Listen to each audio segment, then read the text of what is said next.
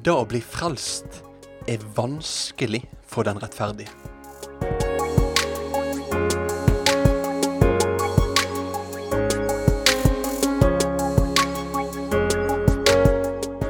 Velkommen til et eh, nytt program av Ord til liv med radio- og TV-pastor Ingvald Kårbø.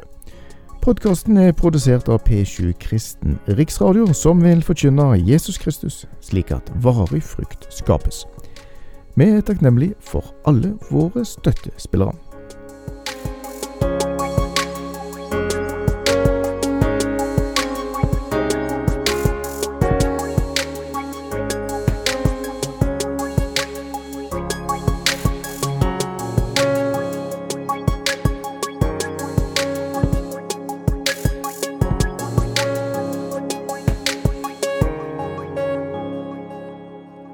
Som menneske så liker jeg å prøve å forklare ting som skjer.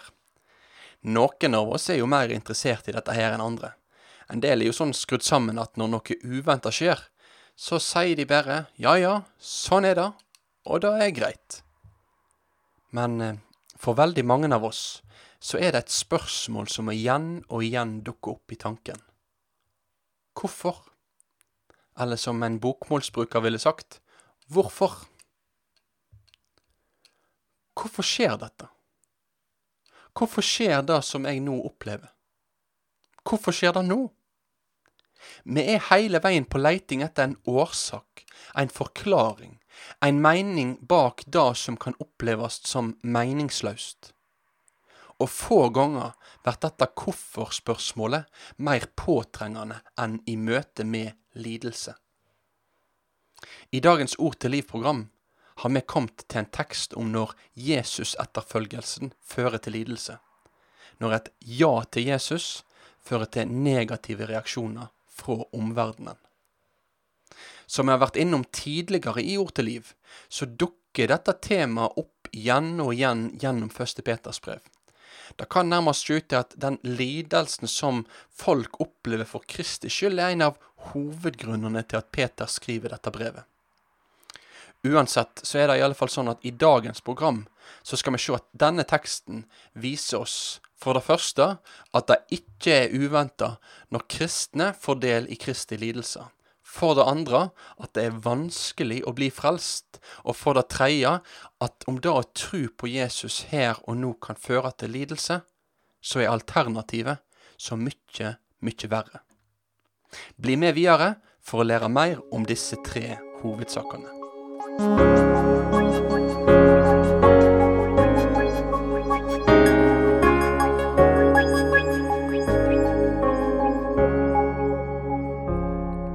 leser sammen ifra 1. Peters brev, kapittel 4, og vers 12 til 19. Mine kjære, undra dykk ikke over den allprøva de må gjennom, som om dykk hender dykk noe uventa. Men i samme mon som det får del i Kristi lidingar, skal det glede dykk, så det òg kan juble av glede når Han åpenbærer seg i herligdom.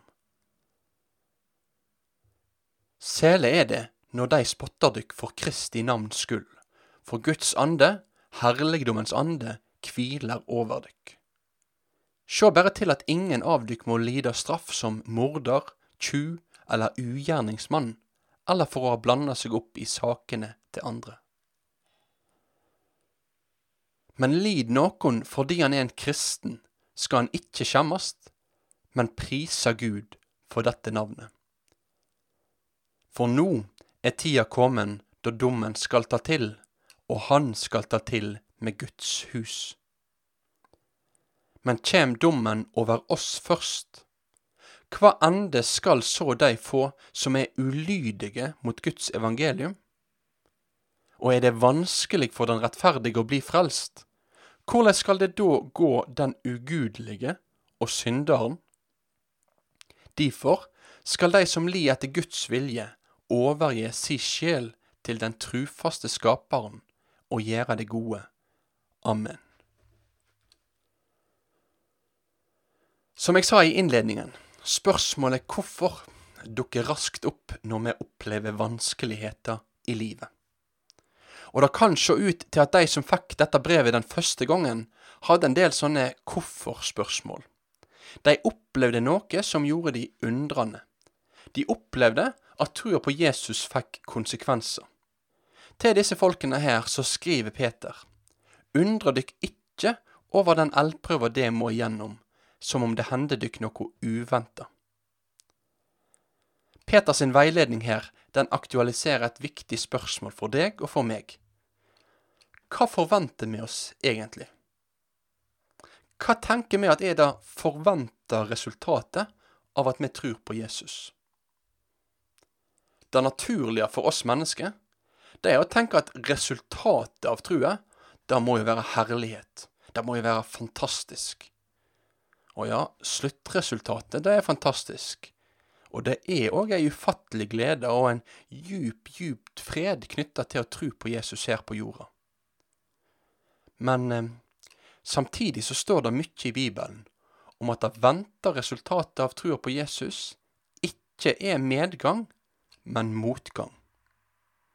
Det venta resultatet er ikke en dans på roser, men en dans i klungerkratt. Paulus han skriver det på denne måten her i sitt andre brev til medarbeideren Timoteus. Alle som vil leve et gudfryktig liv i Kristus Jesus, skal bli forfølgde. Poenget til Paulus og Peter er ikke at vi som vil leve med Gud, skal gå rundt og leite etter trøbbel, at vi skal oppsøke konflikt for å få litt forfølgelse i livet vårt. Poenget er enkelt og greit. Det du kan forvente deg hvis du følger Jesus, er at det vil skape reaksjoner. Så er det kanskje sånn i dag at en del av oss i liten grad kjenner kostnaden i møte med andre mennesker på kroppen. Men faktum er da at i verden i dag så er det langt, langt flere kristne som bor i områder der kirka har vært forfulgt, enn de kristne i Vest-Europa der kirka fram til de siste 50 årene har hatt en privilegert posisjon men òg for deg og meg som bor i et etterkristent samfunn som vi har i Norge. Når vi i årene framover kommer til å oppleve at kostnaden med trua øker, så skal ikke vi bli overraska. Det er normalen at det koster. Vi skal i sånne situasjoner, som Peter her skriver, få glede oss over at Den hellige ånd, som hvilte over Jesus, han hviler over deg og meg òg. Kostnaden kan komme på ulike måter og i ulik innpakning. Kanskje kan det være at din stadfesting av livets to mulige utganger koster deg et vennskap. Eller kanskje din fastholdelse av at den gode ramma for seksuelt samliv er ekteskapet mellom én mann og ei kvinne, at dette koster deg at du blir hengt ut i sosiale medier. Kanskje kan det være sånn at det at du ikke vil utføre eller henvise til abort, for det at du er overbevist om menneskets verdi ifra mennesket blir unnfanga, kan koste deg jobben. Men om du opplever dette, eller noe annet, bli ikke overraska. Blir du hengt ut for da at du har oppført deg som en tulling, ja, da er det ikke grunn til å glede seg. Men når du gjør det gode, og dette blir konsekvensen, så kan du rette deg opp. Så kan du faktisk tenke dette er normalen. Sånn var det for Jesus, og sånn er det for meg som følger Han. Etter at Peter har vært innom dette her, så kommer han nå til et par vers som jeg med første øyekast syns er litt eh, spesielle. Det er noen vers der det står at tida for dommen har kommet, og at dommen skal ta til med Guds hus. Og så står det at det er vanskelig for den rettferdige å verte frelst, så hvordan skal det da gå med den ugudelige? Hva i alle dager kan det bety at det er vanskelig for den rettferdige å verte frelst? Vi kan lett tenke at når det er vanskelig, så handler det om at det er så vidt at det går. At en holder nesten på å gå fortapt men så går det godt likevel. Men en sånn tolking om at det er så vidt den rettferdige blir frelst, den gir egentlig ikke særlig mening verken ut ifra teksten sin sammenheng eller ut ifra Bibelen som helhet. En bedre måte å forstå dette uttrykket på er at veien fram mot målet er krevende. Det er ingen lett himmelvei uten lidelse eller smerte. Nei, det er en tung vei for den som tilhører Jesus. Full av hinder, full av smerte, full av lidelse. Det er vanskelig. Så på denne måten så kan vi si at det er vanskelig å bli frelst. Men det er ett moment til i denne teksten som jeg vil at vi skal stoppe opp for.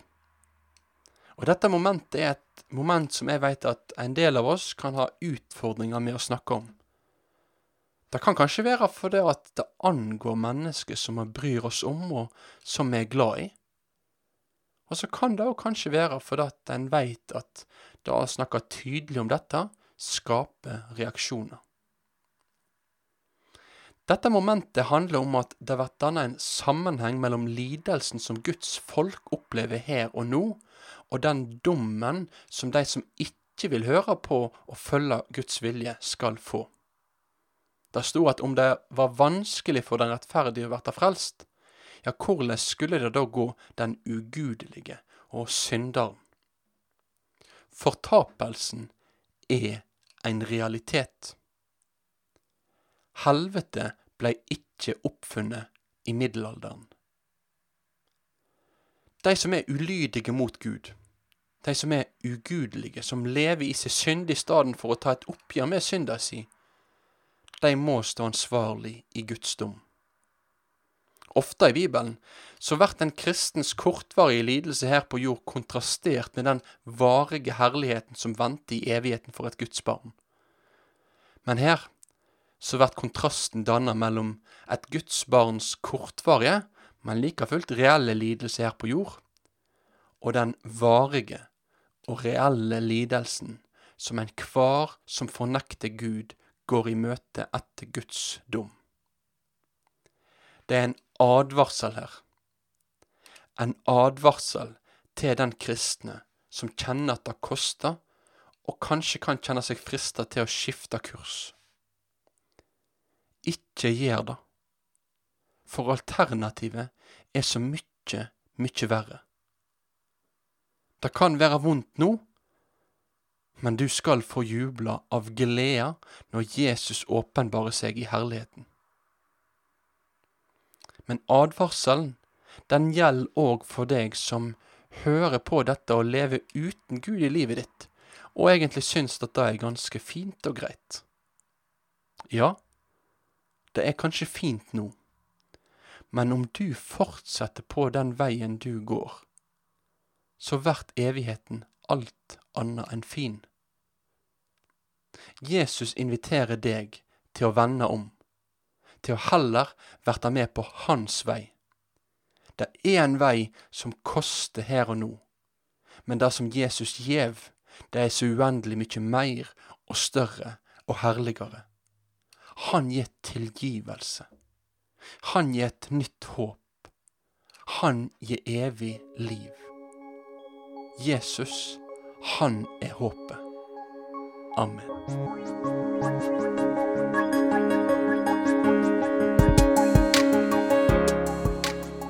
Takk for at du hørte på Ord til liv med radio- og TV-pastor Ingvald Kårbe. Vi håper at podkasten har fått vært til velsignelse for deg. Og Har du tilbakemeldinger på det du har hørt, ta gjerne kontakt med oss på otl krøllalfa p7.no. P7 Kristen Riksradio ønsker med sine produksjoner å gi evangeliefokusert bibelundervisning til folk. Du finner mer godt innhold på p7.no. P7 Kristen Riksradio er takknemlig for alle som støtter kanalen, både gjennom bønn og givertjeneste. Om du vil være med og legge til rette for P7s framtidige drift, så er vi takknemlig for din støtte. Vips oss da gjerne allerede nå på nummer fem fire 7767. Takk for din støtte.